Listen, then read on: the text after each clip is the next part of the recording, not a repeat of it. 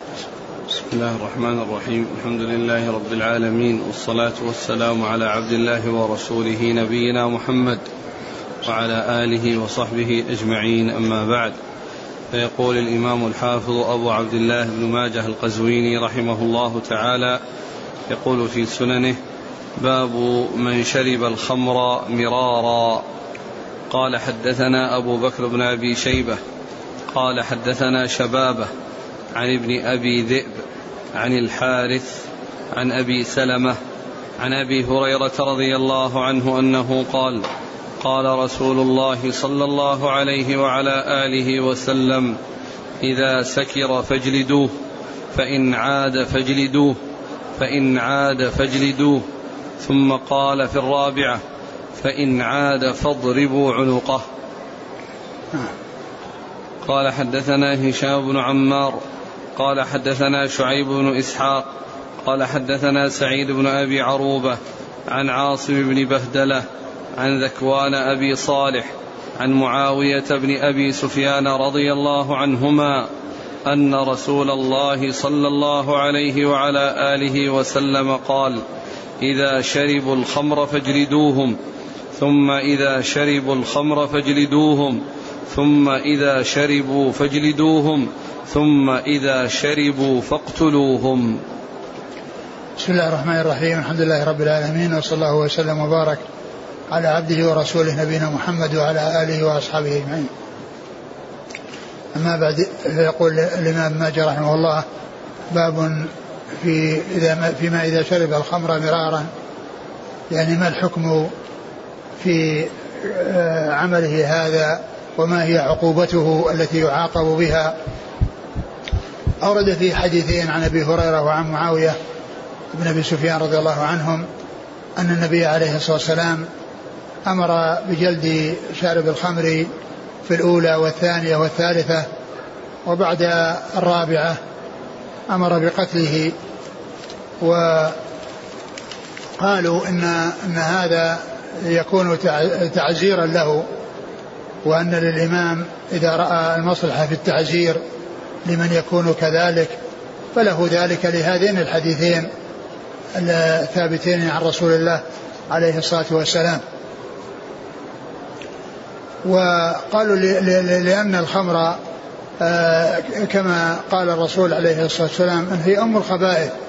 وذلك أن آه، أن تعاطيها وإدمانها والاستمرار عليها يؤدي إلى الوقوع في أمور محرمة وأمور خطيرة آه، آه، لأنها سميت أم الخبائث لأنها توقع في الخبائث وتوصل إلى الخبائث لأن الإنسان إذا سكر وفقد عقله فإنه يأتي أو يقع في أي محذور وقد يقع في بعض محارمه قد يحصل منه الوقوع في بعض المحارم.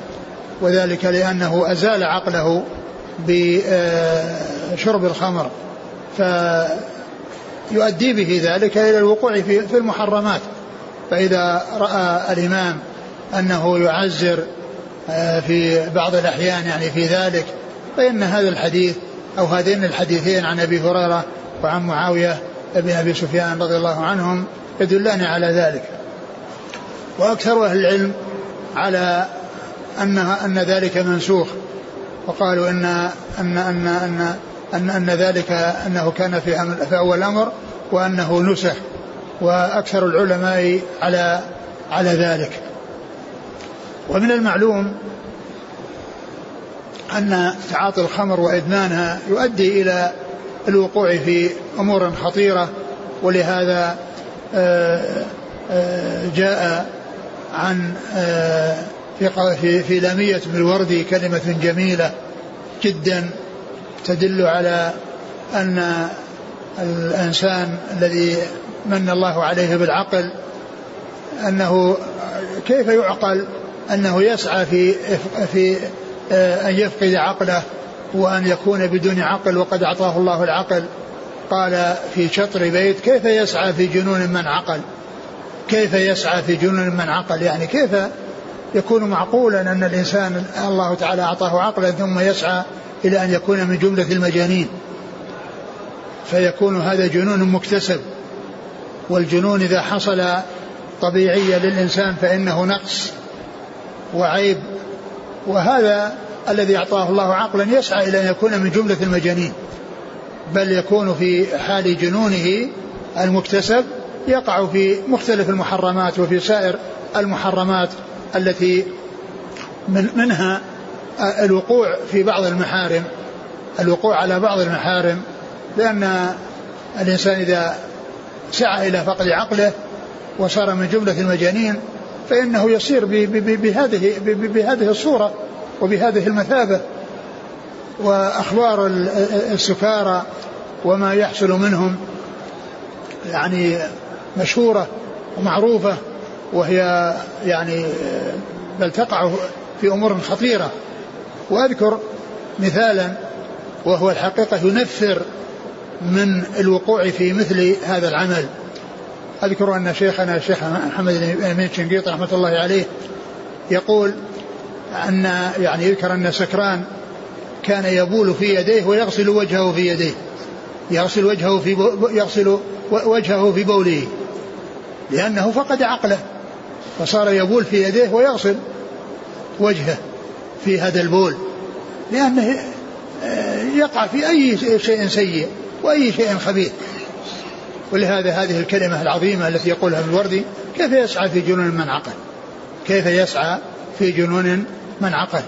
والخمر إنما سميت خمرا لأنها تغطي العقل تغطيه وتحجبه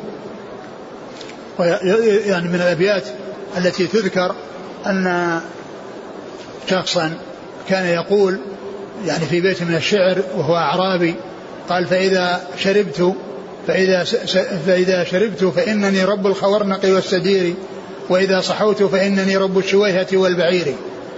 يعني إذا سكر صار كل شيء بيده وإذا صحى رجع إلى أنه ما عنده إلا الشويهات والإبل التي كان يملكها. وقصة العباس بن عبد وقصة حمزة بن عبد المطلب رضي الله تعالى عنه. لما لما آه، كان علي رضي الله عنه حصل شارفين يعني جملين من غنائم بدر وكان آه، يعمل على تحصيل مهر لفاطمة رضي الله عنها ليتزوجها فكان يذهب ويأتي على هذين الجملين أشياء يبيعها يجمع مهرا و وعقل البعيرين في يعني عند عند بابه فجاء العباس حمزة رضي الله عنه وقد قبل أن تحرم الخمر قد كان سكر فبقر بطون هذين الجملين بقر بطونهما وجب ألسنتهما والحديث في صحيح البخاري. فجاء علي رضي الله عنه إلى النبي صلى الله عليه وسلم وقد تغير وجهه فعرف النبي صلى الله عليه وسلم في وجهه التغير والتأثر فقال ما لك؟ قال حصل كذا وكذا. فذهبوا ذهب الرسول صلى الله عليه وسلم ومن معه إلى حمزة ولما دخلوا عليه وإذا هو في سكره قال يخاطب النبي صلى الله عليه وسلم ومن معه هل أنتم إلا عبيد أبي؟ هل أنتم إلا عبيد أبي؟ لأن الإنسان إذا فقد عقله آه، تصور أن كل شيء تحت تصرفه وفي آه، قبضته فأضرارها خطيرة جدا. ولهذا قال بعض أهل العلم ومنهم القيم في تهذيب السنن أن هذا الحديث يقتضي أن على الإمام أن يرى ما فيه المصلحة فإذا أراد أن يقتل تعزيرا يعني في شرب الخمر بعد الرابعة يعني فله ذلك لهذين الحديثين الصحيحين الثابتين عن رسول الله صلى الله عليه وسلم. نعم. قال حدثنا أبو بكر بن أبي شيبة. ثقة أخرج أصحاب الكتب إلى الترمذي. عن شبابة. شبابة بن سوار ثقة أخرج أصحاب الكتب. عن ابن أبي ذئب. ومحمد بن عبد الرحمن ثقة أخرج أصحاب الكتب. عن الحارث. الحارث بن عبد الرحمن صدوق أخرج له. أصحاب السنن. نعم. عن أبي سلمة عن أبي هريرة. عن أبي سلمة بن عبد الرحمن بن عوف ثقة أخرج أصحاب الكتب. نعم. قال حدثنا هشام بن عمار. هشام بن عمار صدوق أخرجه البخاري وأصحاب السنن. عن شعيب بن إسحاق. وهو؟ ثقة أخرج أصحاب الكتب إلا الترمذي. نعم. عن سعيد بن أبي عروبة. وهو ثقة أخرج أصحاب الكتب. عن عاص بن بهدلة. وهو صدوق له أوهام آه، أخرج له أصحاب الكتب وروايته في الصحيحين مقرون. عن ذكوان أبي صالح. وهو السمان وهو ثقة أخرج أصحاب الكتب. من معاوية بن أبي سفيان. معاوية بن أبي سفيان رضي الله عنهما أخرج له أصحاب الكتب الذي يقول بالنسخ ما هو الناسخ؟ آه كون الرسول صلى الله عليه وسلم يعني آه آه وكذلك الخلفاء من بعده ما حصل منهم يعني القتل وإنما يحصل منهم الجلد فقط.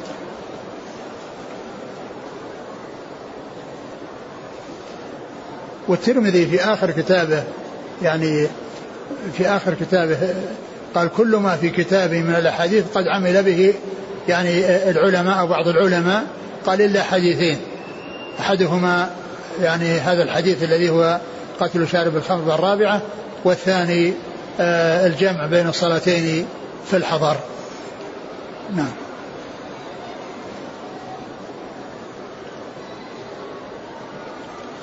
قال رحمه الله تعالى باب الكبير والمريض يجب عليه الحد.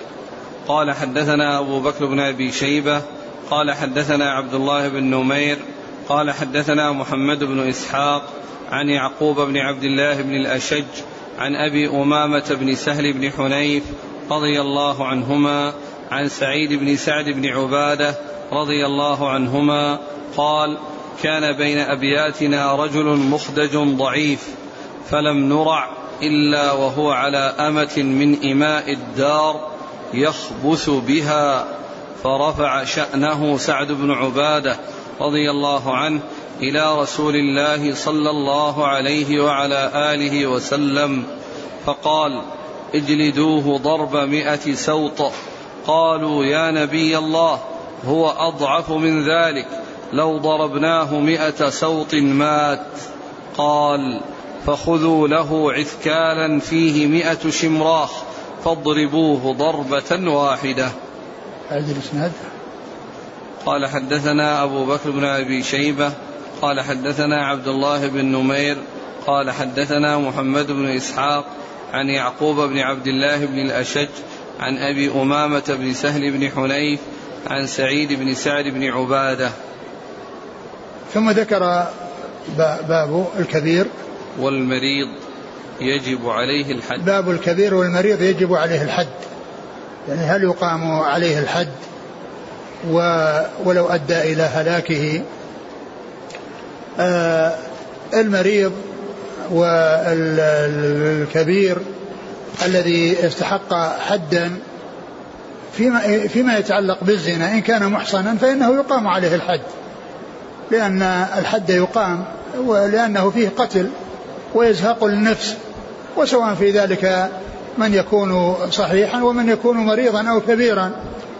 وأما إذا كان الحكم عليه هو الجلد لكونه غير محصن فهذا هو الذي إذا كان جلده يؤدي إلى هلاكه فإنه لا يجلد الجلد الذي يؤدي إلى هلاكه لأن الهلاك يعني آه، آه، إذا ترتب على الحد يعني معناه آه، حيث يعلم بأنه سيكون الهلاك لا يجوز أن يقدم على ذلك. ولهذا جاء في الحديث الذي مضى عن علي رضي الله عنه قال يعني ما كنت أدي يعني أحدا يعني أقمت عليه الحد إلا شارب الخمر. لأن كما عرفنا أن أن السراية إذا حصلت من في الحد فإنها هدر ولا يعني آه، يضمن من آه، حصل له الموت بسبب ذلك لأن سراية الحد آه، تابعة للحد.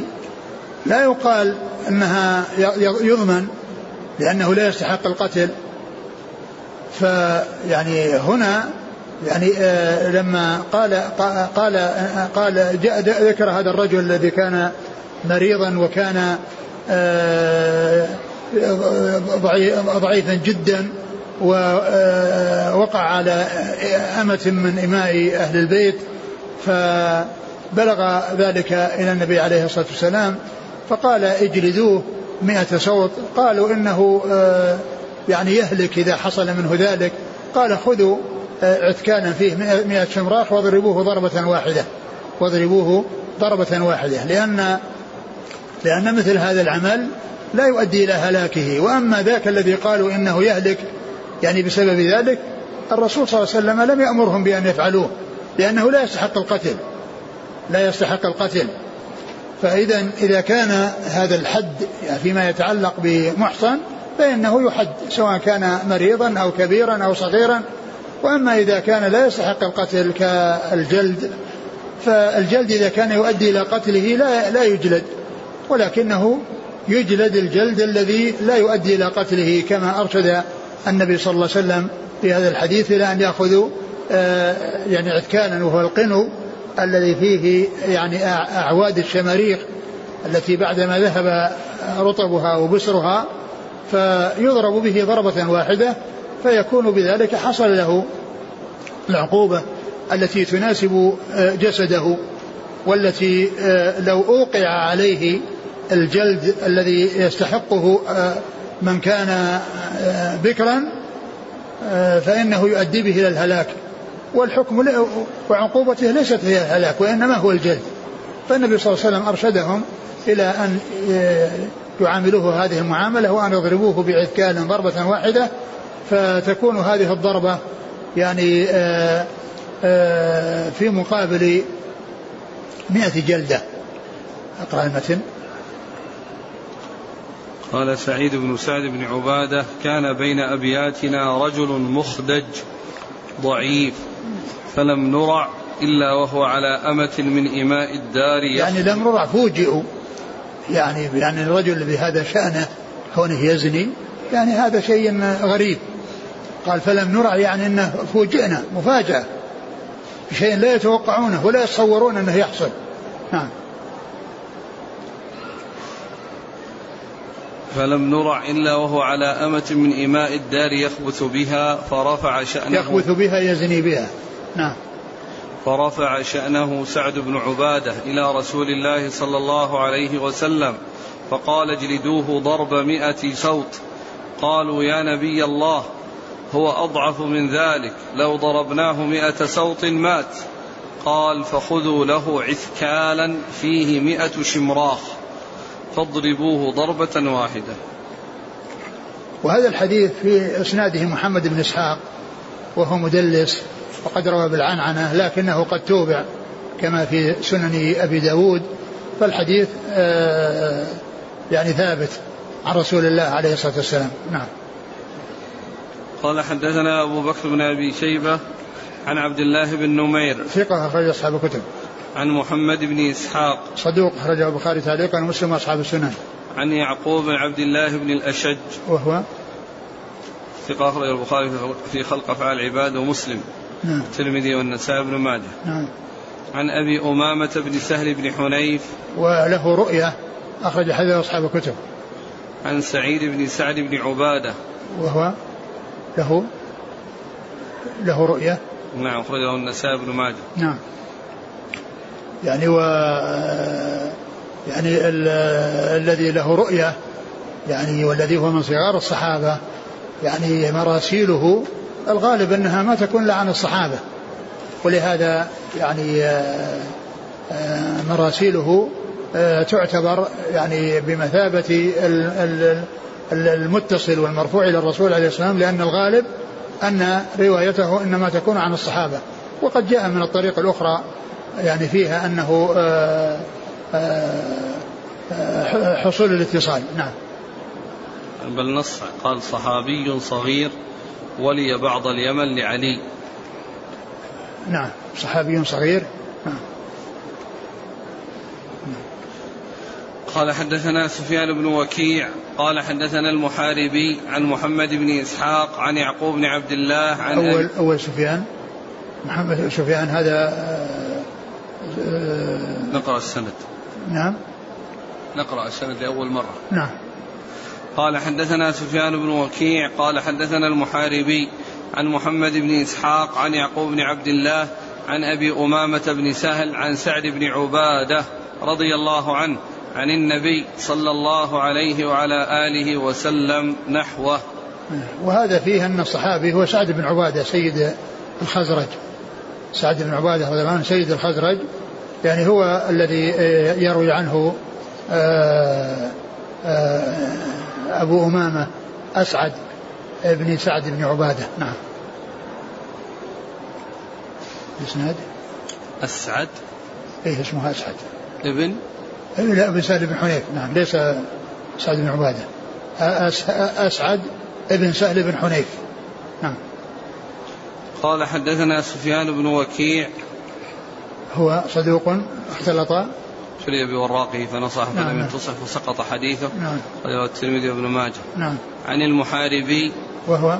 عبد الرحمن بن محمد لا بأس به رجله نعم. أصحاب الكتب. نعم. عن محمد بن إسحاق عن يعقوب بن عبد الله عن أبي أمامة عن سعد بن عبادة.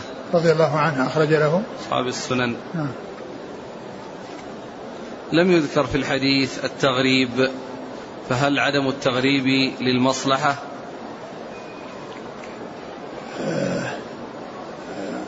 قد يكون أنه يعني آه، مثل هذا هو مريض وانه ما يخرج من بيته. فقد يكون أنه يعني آه، لم يذكر لأنه آه، لن يختلط بالناس ولن وإنما هو مريض ملازم ملازم فراشه. قد يكون أنه ما ذكر لأنه في حكم في حكم ذاك الذي الذي يغرب. لأنه لا يتصل بالناس ولا يختلط بالناس إلا أن يأتي إليه أحد من الناس. يجوز أنه رؤي أن أنه لم يحصل له ذلك لأنه بهذا الوضع الذي ما في اختلاط بالناس. نعم.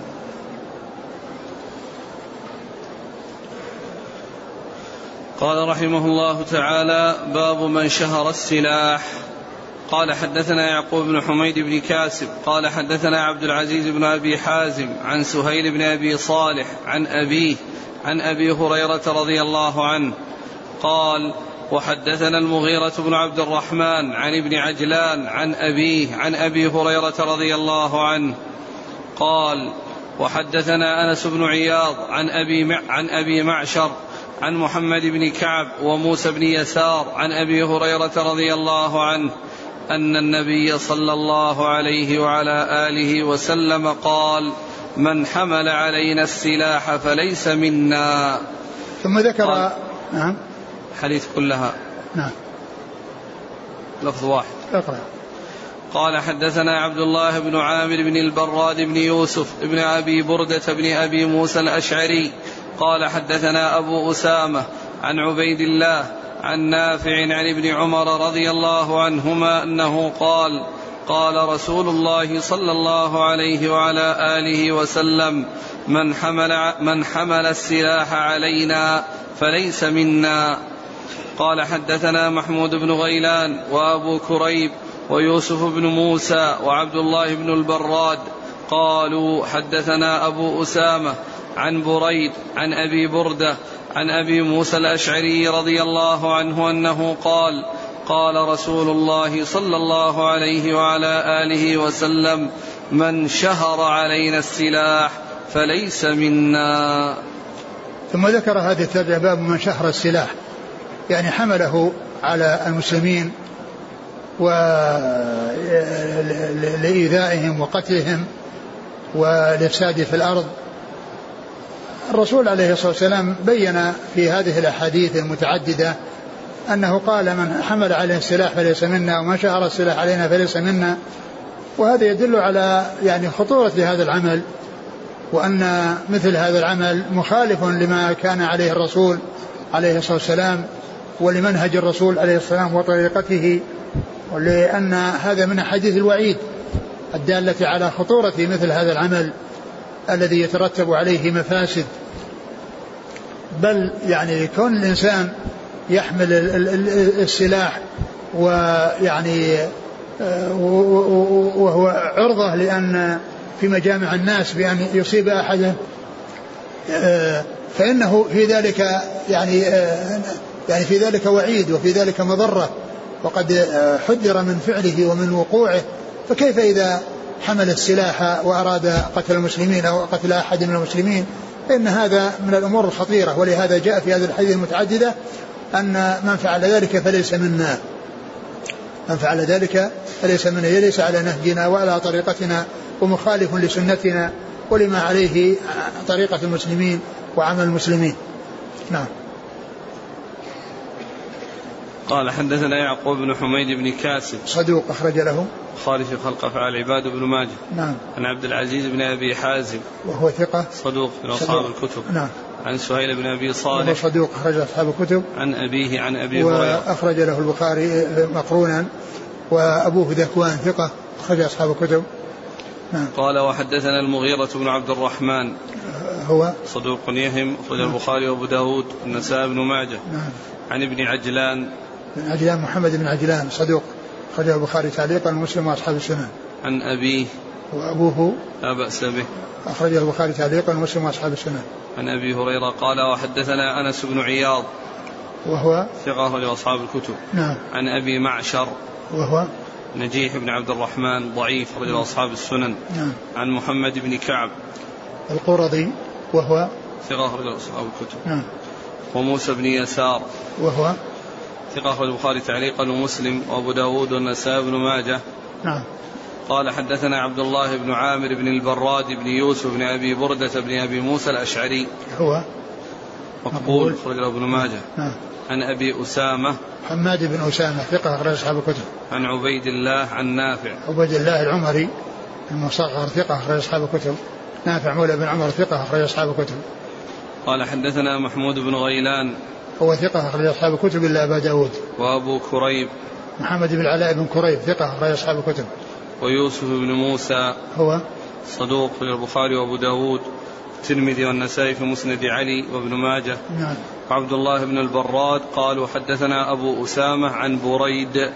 بريد بن عبد الله بن أبي بردة ثقة أخرج أصحاب الكتب. وهو يروي عن جده أبو بردة بن أبي موسى وهو ثقة أخرج أصحاب الكتب. وأبو موسى الأشعري وعبد الله بن قيس رضي الله عنه أخرجه أصحاب الكتب. وهذه الأحاديث التي يعني جاءت آه، يعني شيخه فيها آه، يعقوب بن كاسب. ثم التحويل يعني بعده. التحاويل التي حصلت هي بعده. نعم. قال رحمه الله تعالى باب من حارب وسعى في الأرض فسادا. قال حدثنا نصر بن علي الجهضمي قال حدثنا عبد الوهاب قال حدثنا حميد عن أنس بن مالك رضي الله عنه أن أناسا من عرينة قدموا على عهد رسول الله صلى الله عليه وسلم فاجتووا المدينة فقال لو خرجتم إلى ذود لنا فشربتم من ألبانها وأبوالها ففعلوا فارتدوا عن الإسلام وقتلوا راعي رسول الله صلى الله عليه وعلى آله وسلم واستاقوا ذوده فبعث رسول الله في طلبهم فجيء بهم فقطع أيديهم وأرجلهم وسمر أعينهم وتركهم بالحرة حتى ماتوا. ثم ذكر باب من من من سعى حارب وسعى في الأرض فسادا. باب من حارب وسعى في الأرض فسادا. يعني ما هي عقوبته؟ يعني آه، أورد في حديث العرانيين الذين قدموا المدينة وإجتووها يعني ما ناسبهم ما ناسبتهم حصل لهم فيها مرض يعني في بطونهم تأثروا فلم يناسبهم المقام فيها فالنبي عليه الصلاة والسلام أراد أن يحسن إليهم وذلك بأن بعثهم إلى إبل الصدقة وإلى ذود آه، فيها لقاح يعني فيها لبن فيها حليب فأمرهم بان يشربوا من أبوالها وألبانها. ففعلوا حتى شفوا وحصلت لهم آه، السلامة والعافية من هذا المرض الذي في بطونهم.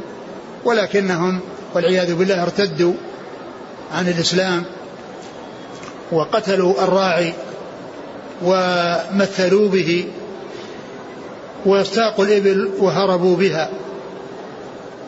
مع هذا الإحسان الذي أحسن إليهم وبأن يتداووا ويشربوا من الألبان آه، قابلوا الإحسان بالإساءة فقتلوا الراعي ومثلوا به ثم واستاقوا الإبل. فالرسول صلى الله عليه وسلم بعث في أثرهم فأتي بهم فأمر بقطع أيديهم وأرجلهم وسمل أعينهم. يعني وهذا مثل ما فعلوا في الراعي.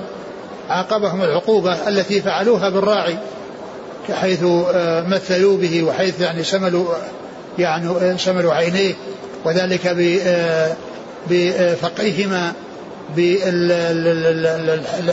بالحديد المحمى. فالرسول صلى الله عليه وسلم عاملهم المعاملة التي عاملوا بها الراعي وجزاهم بمثل ما فعلوا معه.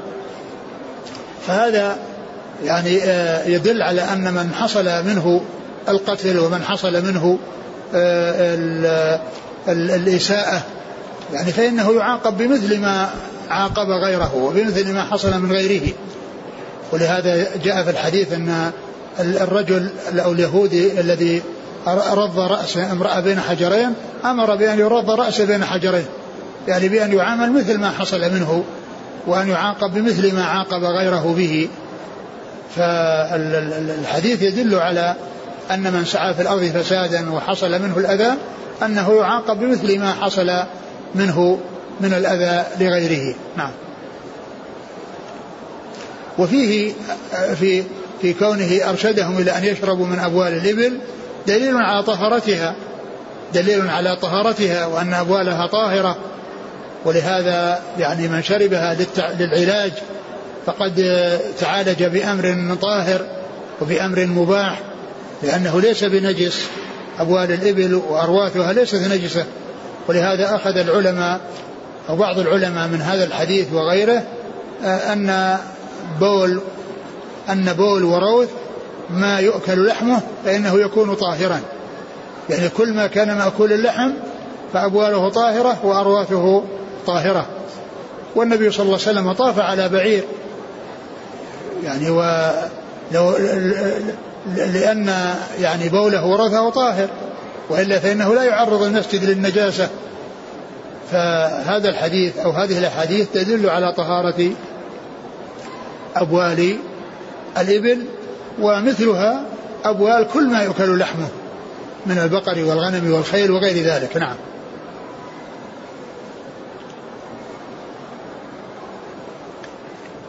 قال حدثنا نصر بن علي الجهضمي. ثقة أخرج أصحاب الكتب وهو شيخ لأصحاب الكتب عن عبد الوهاب. عبد الوهاب بن عبد المجيد الثقفي ثقة أخرج أصحاب الكتب عن حميد عن أنس. حميد بن أبي حميد الطويل ثقة أخرج أصحاب الكتب قال حدثنا محمد بن بشار ومحمد بن المثنى قال حدثنا ابن أبي الوزير قال حدثنا الدراوردي. عن هشام بن عروة عن أبيه عن عائشة رضي الله عنها أن قوما أغاروا على لقاح رسول الله صلى الله عليه وسلم فقطع النبي صلى الله عليه وعلى آله وسلم أيديهم وأرجلهم وسمل أعينهم. ثم ذكر هذا الحديث عن عائشة رضي الله عنها وهو يعني مثل الذي تقدم لكون هؤلاء يغاروا على لقاح يعني لا أدري يعني لعل هذه القصة هي قصة واحدة ولكن يعني الرسول صلى الله عليه وسلم أرسله أرسلهم ليشربوا من لبنها ولكنهم أغاروا عليها يعني أخذوها أخذوها ونهبوها وذهبوا بها وعملوا في الراعي ما عملوا فعملهم النبي صلى الله عليه وسلم بمثل بمثل ما عاملوا هم بالراعي. نعم. قال حدثنا محمد بن بشار ومحمد بن المثنى.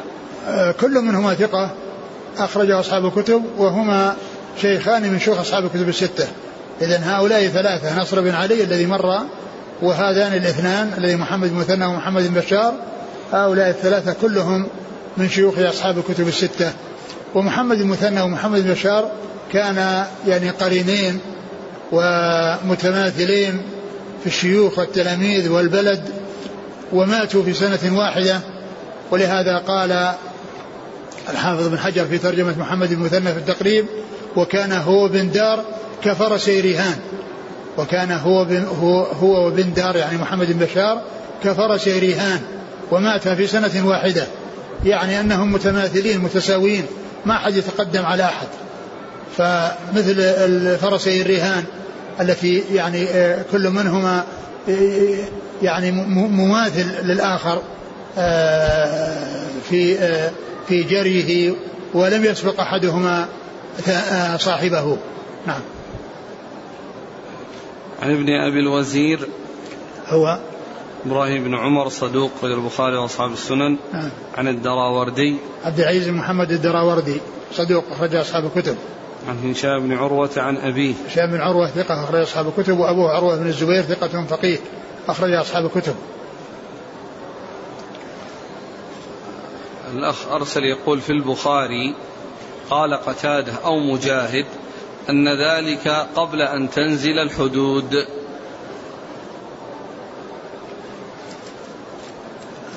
ما أدري لكن الذي حصل كما هو معلوم يعني آه، معاقبة يعني بمثل ما يعني حصل منهم.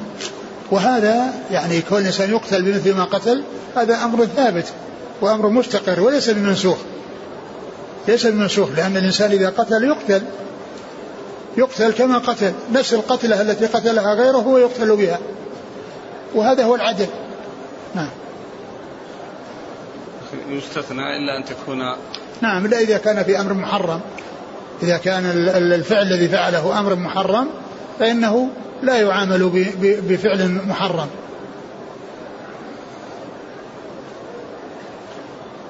قال رحمه الله تعالى باب من قتل دون ماله فهو شهيد. قال حدثنا هشام بن عمار قال حدثنا سفيان عن الزهري عن طلحة بن عبد الله بن عوف عن سعيد بن زيد بن عمرو بن نفيل رضي الله عنه عن النبي صلى الله عليه وعلى آله وسلم أنه قال من قتل دون ماله فهو شهيد.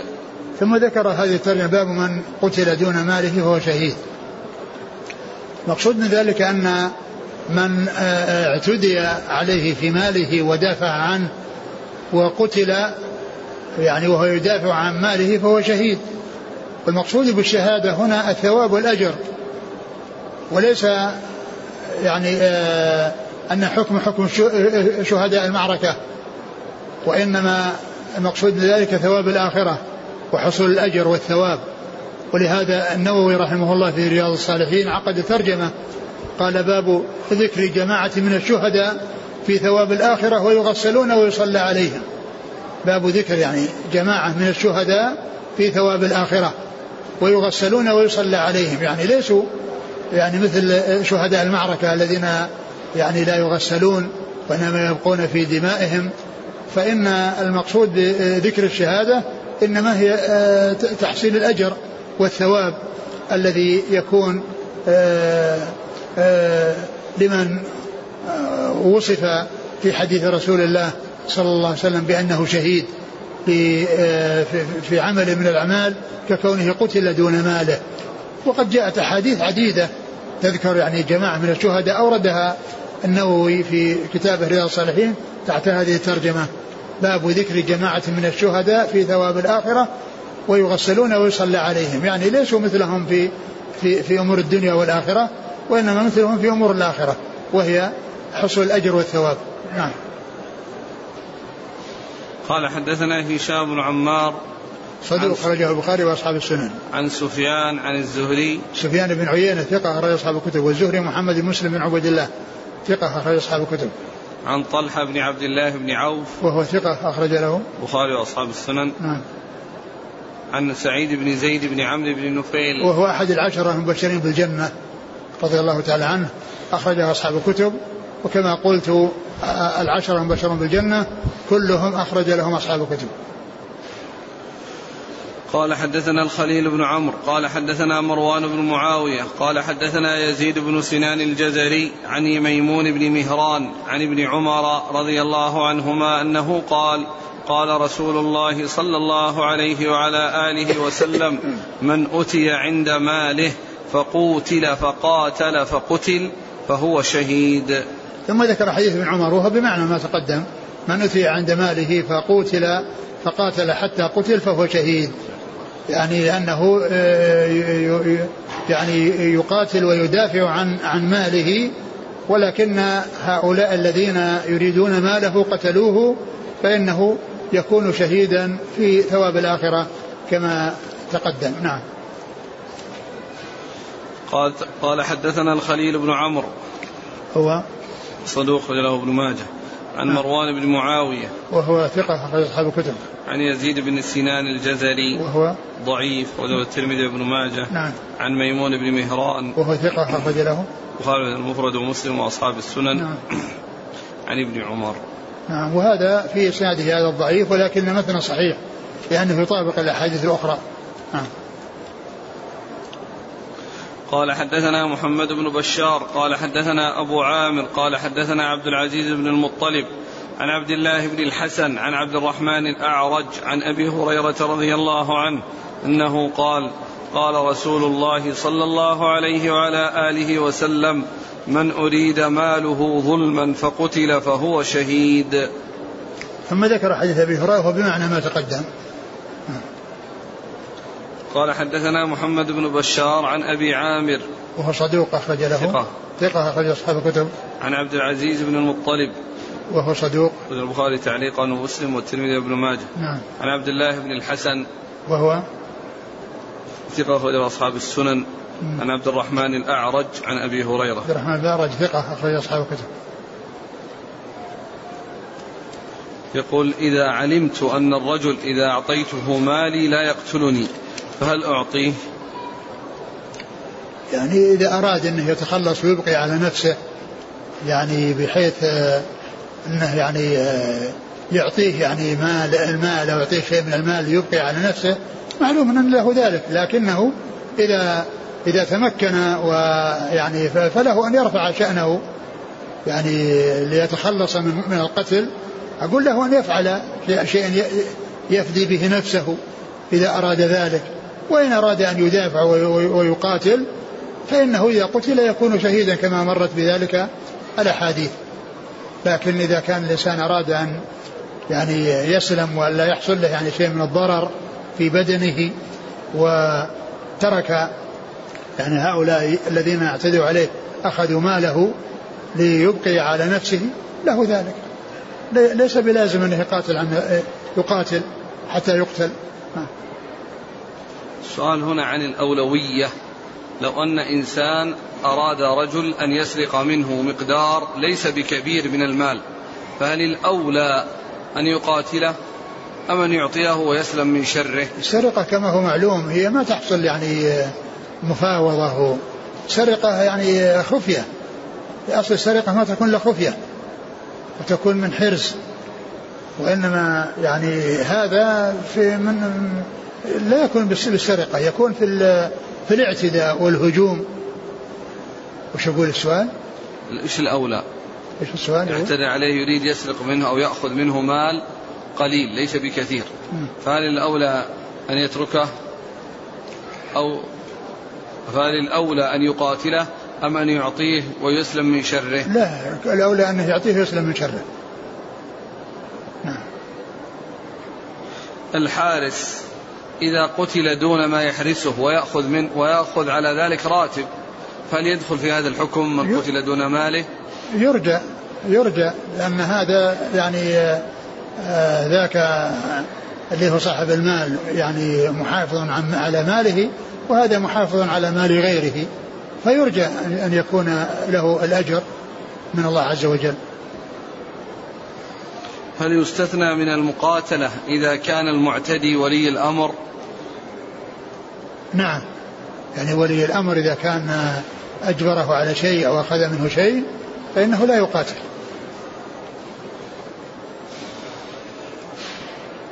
قال رحمه الله تعالى باب حد السارق. قال حدثنا أبو بكر بن أبي شيبة قال حدثنا أبو معاوية عن الأعمش عن أبي صالح عن أبي هريرة رضي الله عنه أنه قال قال رسول الله صلى الله عليه وعلى آله وسلم لعن الله السارق يسرق البيضة فتقطع يده ويسرق الحبل فتقطع يده. ثم قال باب حد السرقة. حد السارق. حد حد السارق؟ نعم. حد السارق باب حد السارق. حد السارق هو قطع يده. إذا ثبتت السرقة وكان يعني نصابا فأكثر. الذي هو ربع دينارا فأكثر أو ما يساوي ربع دينار فأكثر. هذا هو الحكم. وقد أورد هذا الحديث الذي قال فيه النبي صلى الله عليه وسلم لعن الله السارق يسرق البيضة فتقطع يده ويسرق الحبل فتقطع يده. البيضة شيء تافه وشيء قليل ولا يحصل به القطع. ولكن الإنسان الذي يعتاد السرقة ويعتاد سرقة القليل يجره ذلك إلى سرقة الكثير. فبمجرد كونه يسرق البيضة لا يقطع. ولكن من سرق البيضة سرق ما هو أكثر منها. ومن تعود على السرقة ولو كان المسروق شيئا يسيرا لا يستحق القطع لأن ذلك يجر صاحبه إلى أن يحصل منه ما يعني يحصل به القطع. فقوله صلى الله عليه وسلم لعن الله السارق يسرق البيضة ليس معنى ذلك أنه تقطع يده بالبيضة ولكن ولكن كون الإنسان يألف السرقة في الشيء التافه اليسير يجعله يألف أو يعني ينتقل إلى سرقة الشيء الكثير الذي يستحق به القطع. لأن من اعتاد شيئا أو دخل في شيء محرم كالسرقة ولو كان سرقته لشيء يسير لا يستحق عليه القطع إلا أن ذلك يجره إلى الشيء الذي يستحق عليه القطع. إذا هذا في تحذير من السرقة مطلقة قليلها وكثيرها. وإن كان قليلها جدا كالبيضة لا يقطع به إلا أنه يؤدي إلى سرقة ما يحصل به القطع. وهذا يعني يدل على خطورة أمر السرقة ولهذا النبي صلى الله عليه وسلم لعن السارق. لعن, لعن الله السارق يسرق البيضة فتقطع يده ويسرق الحبل الحبل التافه. الذي يعني إذا إذا سقط في الطريق من صاحبه لا يحتاج إلى أنه يعني ينشد وأن ينادى عليه لأن الأمور التافهة هذه يأخذها الإنسان إذا وجدها ولا يحتاج إلى أن ينادي عليها ثم بعد ذلك بعد سنة يملكها وإنما يكون ذلك في الشيء الذي له أهمية. نعم. قال حدثنا أبو بكر بن أبي شيبة عن أبي معاوية. أبو معاوية هو محمد بن خازم الضرير الكوفي ثقة أخرج أصحاب الكتب. عن الأعمش عن أبي صالح. الأعمش سليمان المهران ثقة أخرج أصحاب الكتب. يقول السائل البيضة المراد بها بيضة الدجاج أو البيضة التي توضع على الرأس في الحرب؟ بعض العلماء قال هذا لكن المقصود من ذلك بيان التفاهة ومعلوم أن المتبادر عند ذكر البيض يعني هو الشيء القليل. وإلا بعض العلماء قال أن المقصود بالبيضة أنها الخوذة التي هي جنة ويستجن بها في الحرب والحبل يعني حبل السفينة حبل السفينة المتينة الكبيرة الضخمة التي لها قيمة. ولكن هذا ليس لأن المقصود يعني بيان آه، سوء. أمر السارق وأنه آه، يسرق ما هو تافه فيجره إلى ما هو أكثر من ذلك. والمتبادر يعني في هذا هو التنفير. الحديث جاء فيه التنفير وذلك بالشيء القليل. وأما البيضة التي هي يستجن بها والحبل حبل السفينة الذي هو له قيمة وله ثمن كبير ليس هذا هو المقصود. لأن المقصود يعني بيان تفاهة يعني أمر السارق وأنه يقدم على شيء يعني يسير يجره إلى شيء كثير. نعم. قال حدثنا أبو بكر بن أبي شيبة قال حدثنا علي بن مسهر عن عبيد الله عن نافع عن ابن عمر رضي الله عنهما أنه قال قطع النبي صلى الله عليه وسلم في مجن قيمته ثلاثة دراهم. ثم ذكر هذا الحديث أن النبي عليه الصلاة والسلام قطع في مجن قيمته ثلاث دراهم. قطع في مجن المجن هو الذي يتخذ جنة يعني في الحرب. يتخذ جنة تتقى بها السهام. يعني يتقي بها الإنسان السهام عن نفسه. ف آه، يعني سرقة مجن قطع النبي صلى الله عليه وسلم بسرقة مجن قيمته ثلاث دراهم.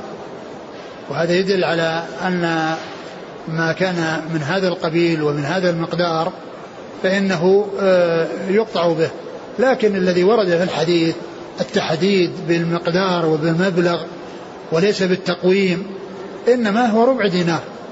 كما سيأتي ربع دينار فصاعدا. هذا هو آه، وأما قضية التقدير فإن القيمة تنخفض وترتفع تقل وتكثر. ولكن التحديد بالمقدار الذي هو ربع دينار فصاعدا هذا هو الحد الذي ليس فيه تقويم وليس فيه آه، تحديد. لكنه إذا قوم الشيء وكان يعادل آه، ربع نصف آه، ربع دينار فإنه يحصل به القطع نعم. قال حدثنا قال والدينار هو 12 درهما. وثلاثة دراهم هي ربع تعادل ربع الدينار. يعني فكان ذلك التقويم الذي قد حصل في ذلك الوقت للمجن أنه ثلاث دراهم وثلاثة دراهم هي ربع الدينار لأن الدينار 12 درهم. نعم. قال حدثنا أبو بكر بن أبي شيبة عن علي بن مسهر ثقة أخرج أصحاب الكتب. عن عبيد الله عن نافع عن ابن عمر نعم. قال حدثنا أبو مروان العثماني قال حدثنا إبراهيم بن سعد عن ابن شهاب أن عمرة أخبرته عن عائشة رضي الله عنها أنها قالت قال رسول الله صلى الله عليه وعلى آله وسلم لا تقطع اليد إلا في ربع دينار فصاعدا. ثم ذكر هذا الحديث عن عائشة أن النبي صلى الله عليه وسلم قال لا تقطع اليد إلا في ربع دينار فصاعدا. وهذا يبين النصاب في مقدار الزكاة القطع أقل شيء هو ربع دينار حيث قال عليه الصلاة والسلام لا تقطع يد في آه، أقل من ربع دينار لا تقطع إلا لا تقطع يد إلا في ربع دينار فصاعدا يعني معناه ما كان دون ذلك فإنها لا تقطع به اليد. ما كان دون ذلك ومعلوم أن البيضة ليست ليست يعني يقطع بها لأنها دون ذلك. فإذا الحد الفاصل بين ما يقطع به وما لا يقطع به ربع الدينار فما, فما زاد على ذلك إلى غير نهاية. لأنه قال فصاعدا يعني مهما بلغ. يعني هذا هو الحد الأدنى وليس هناك حد للأكثر. فقوله فصاعدا يعني كلما زاد بعد ذلك فإنها تقطع به. لأن هذا هو الحد الأدنى وكل ما فوقه يعني كثر أو قل فإنه يحصل به القطع. وما كان دون ربع الدينار لا يحصل به قطع. لقوله صلى الله عليه وسلم لا تقطع يد إلا في ربع دينار فصاعدا. قال حدثنا أبو مروان العثماني. هو؟ صدوق يخطئ. رجله النسائي في خصائص علي وابن ماجه. نعم. عن إبراهيم بن سعد. وهو ثقة أخرج له؟ أصحاب الكتب. نعم. عن ابن شهاب عن عمرة. عمرة بنت عبد الرحمن الأنصارية. ثقة أخرج أصحاب الكتب. قال حدثنا محمد بن بشار قال حدثنا أبو هشام المخزومي قال حدثنا وهيب قال حدثنا أبو واقد عن عامر بن سعد عن أبيه رضي الله عنه عن النبي صلى الله عليه وعلى آله وسلم أنه قال يقطع السارق في ثمن المجن. ثم ذكر هذا الحديث عن سعد بن وقاص رضي الله عنه قال يقطع السارق في ثمن المجن في ثمن المجن والحديث الذي مر أن النبي صلى الله عليه وسلم قطع في مجن قيمته ثلاث دراهم. يعني والمجن إذا كانت قيمته تقل عن ثلاثة دراهم أو تقل عن ربع دينار فإنه لا يحصل به القطع. لأن القطع يكون فيما في ربع دينار أو ما قيمته ربع دينار فأكثر. وما كان دون ذلك. ولهذا قال تقطع في ثمن المجن لأنه سبق في الحديث أنه قطع في مجن قيمته ثلاث دراهم. لكن لو كان المجن قيمته أقل من ثلاث دراهم أو أقل من ربع دينار فإنه لا يحصل به القطع. لقوله صلى الله عليه وسلم لا تقطع اليد إلا في ربع دينار فصاعدا. نعم قال حدثنا محمد بن بشار عن أبي هشام المخزومي. هو؟ ثقة أخرج البخاري تعليقا ومسلم وأبو داود والنسائي بن ماجه. نعم. عن وهيب. وهيب بن خالد ثقة أخرج أصحاب الكتب. عن أبي واقد. وهو صالح. صالح بن محمد بن زائدة ضعيف. نعم. قال أبو داود الترمذي والنسائي في مسند والنسائي في عمل يوم الليلة وابن ماجه. نعم. عن عامر بن سعد. وهو ثقة أخرج أصحاب الكتب. عن سعد بن وقاص. عامر بن سعد بن أبي وقاص. أي إيه مو ثقة. بل. نعم. عن أبيه أقول عن أبيه. نعم. كما قلتم ثقة نعم. أخرج أصحاب الكتب. نعم. عن أبيه. أبوه سعد بن أبي وقاص رضي الله عنه أخرج أصحاب الكتب. يقول من سرق لحاجته الشديدة فهل هذه شبهة يدرأ بها الحد؟ لا ليست شبهة. يعني كون الإنسان يسرق سواء لحاجة أو لغير حاجة.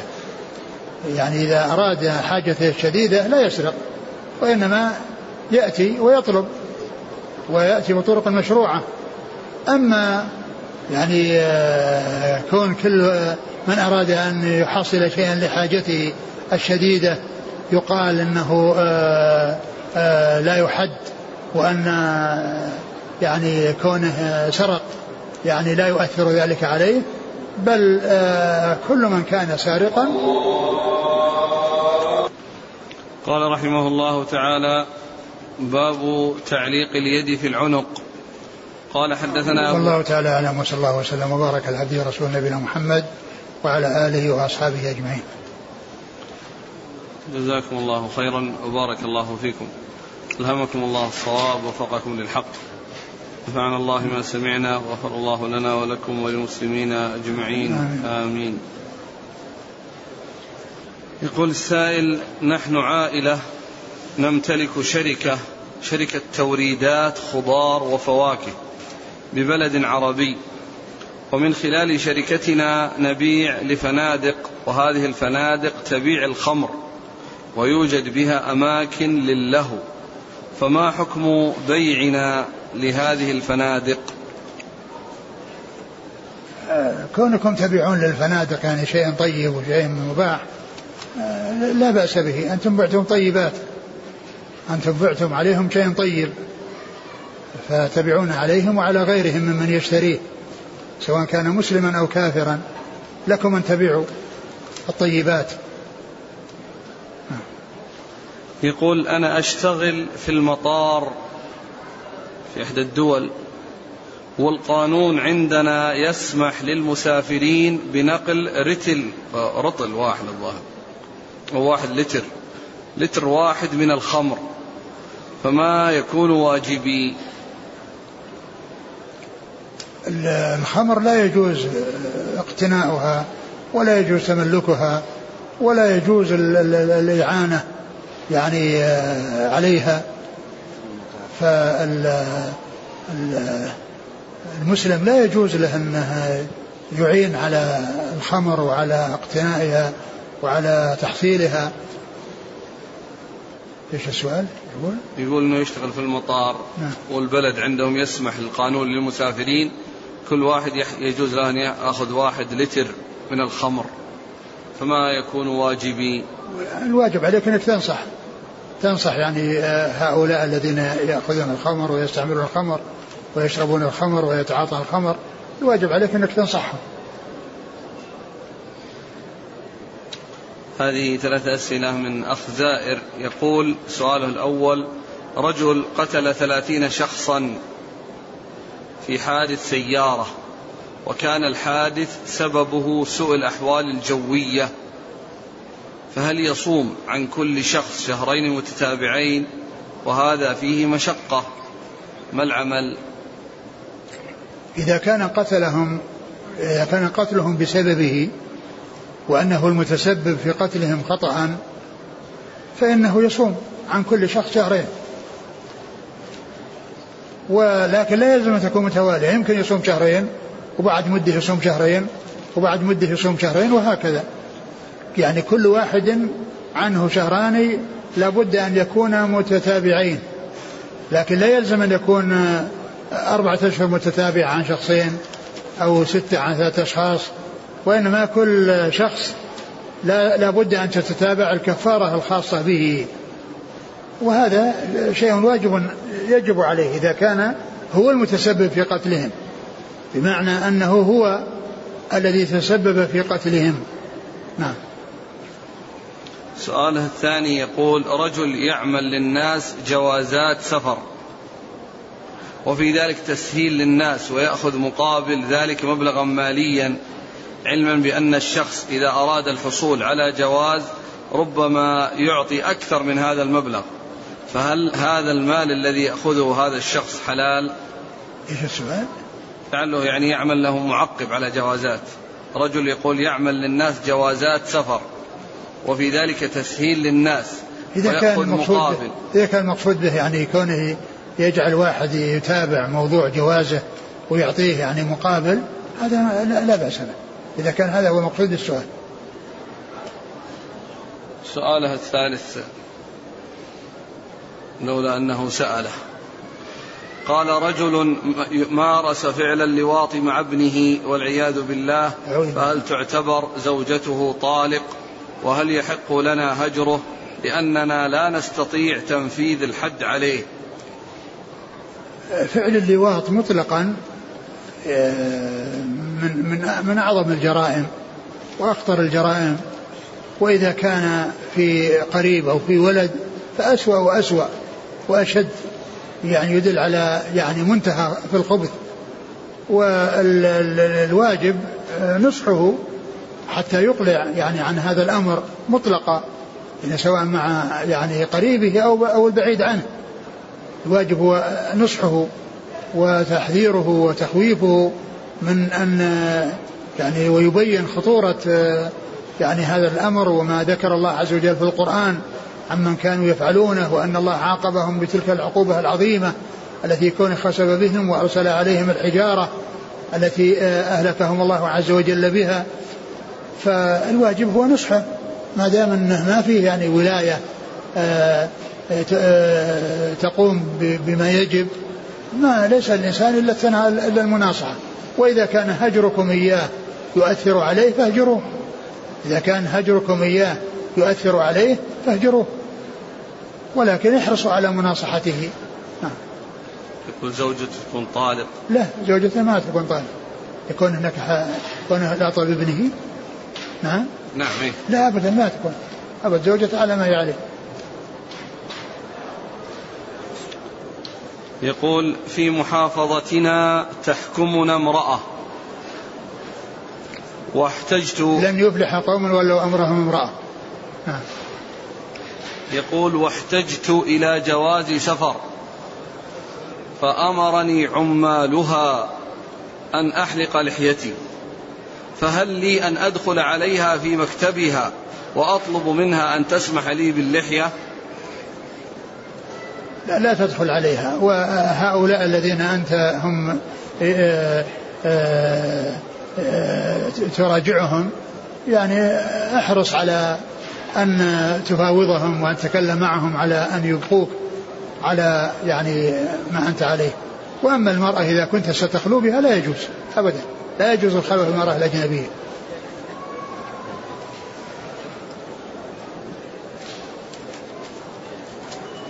يقول من سرق شيئا ثم عفى عنه صاحبه هل يقام عليه الحد؟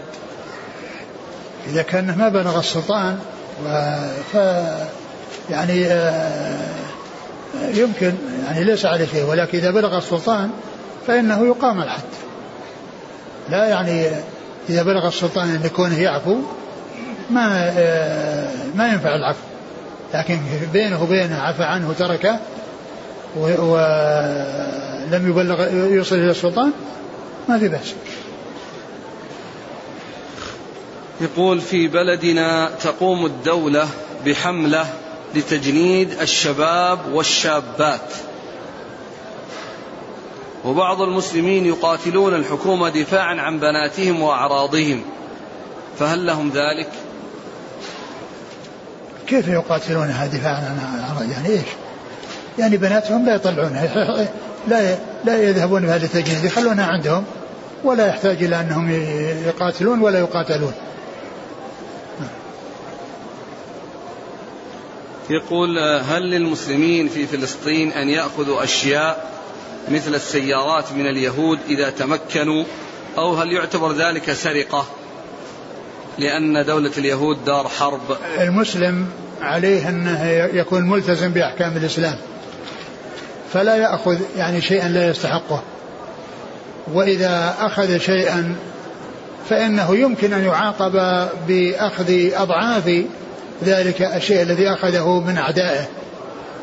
فالمسلم يكون من شأنه ألا يمد يده إلى شيء آه، لا يحل له أخذه. يعني ولو كان أولئك أعداء كل إنسان يعني ينهب منهم ويختلس منهم شيء ليس الإنسان ذلك الإنسان يعامل الناس معاملة طيبة و ولا يقدم على أخذ شيء لا يجوز له أخذه. يقول هناك رجل عليه بعض بعض الحقوق المالية ولكنه يؤخرها وله مكتبة كبيرة فلو سرقت من مكتبته كتابا إيش؟